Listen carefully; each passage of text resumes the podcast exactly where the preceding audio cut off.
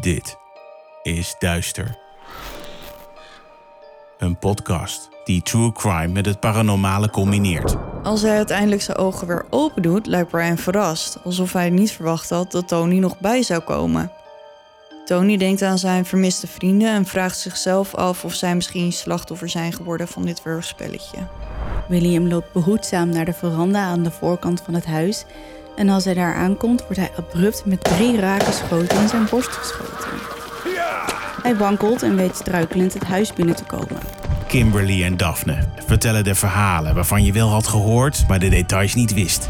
De buurman en de collega kloppen op het slaapkamerraam om John wakker te maken, maar er komt geen reactie.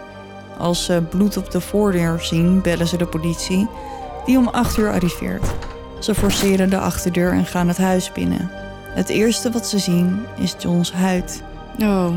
Die hangt met een haak in de deurpost. Barney trapt van schrik op de rem en slippend komt de auto tot stilstand. Met de motor draaiend grijpt hij de verrekijker en trekt met zijn rechterhand het dashboardkastje open om daar Betty's kleine handpistool te pakken. Hij stapt uit, ondanks de protesten van zijn vrouw, en loopt behoedzaam op het object af. Maar wat denkt hij te gaan doen met een klein pistool tegen zoiets?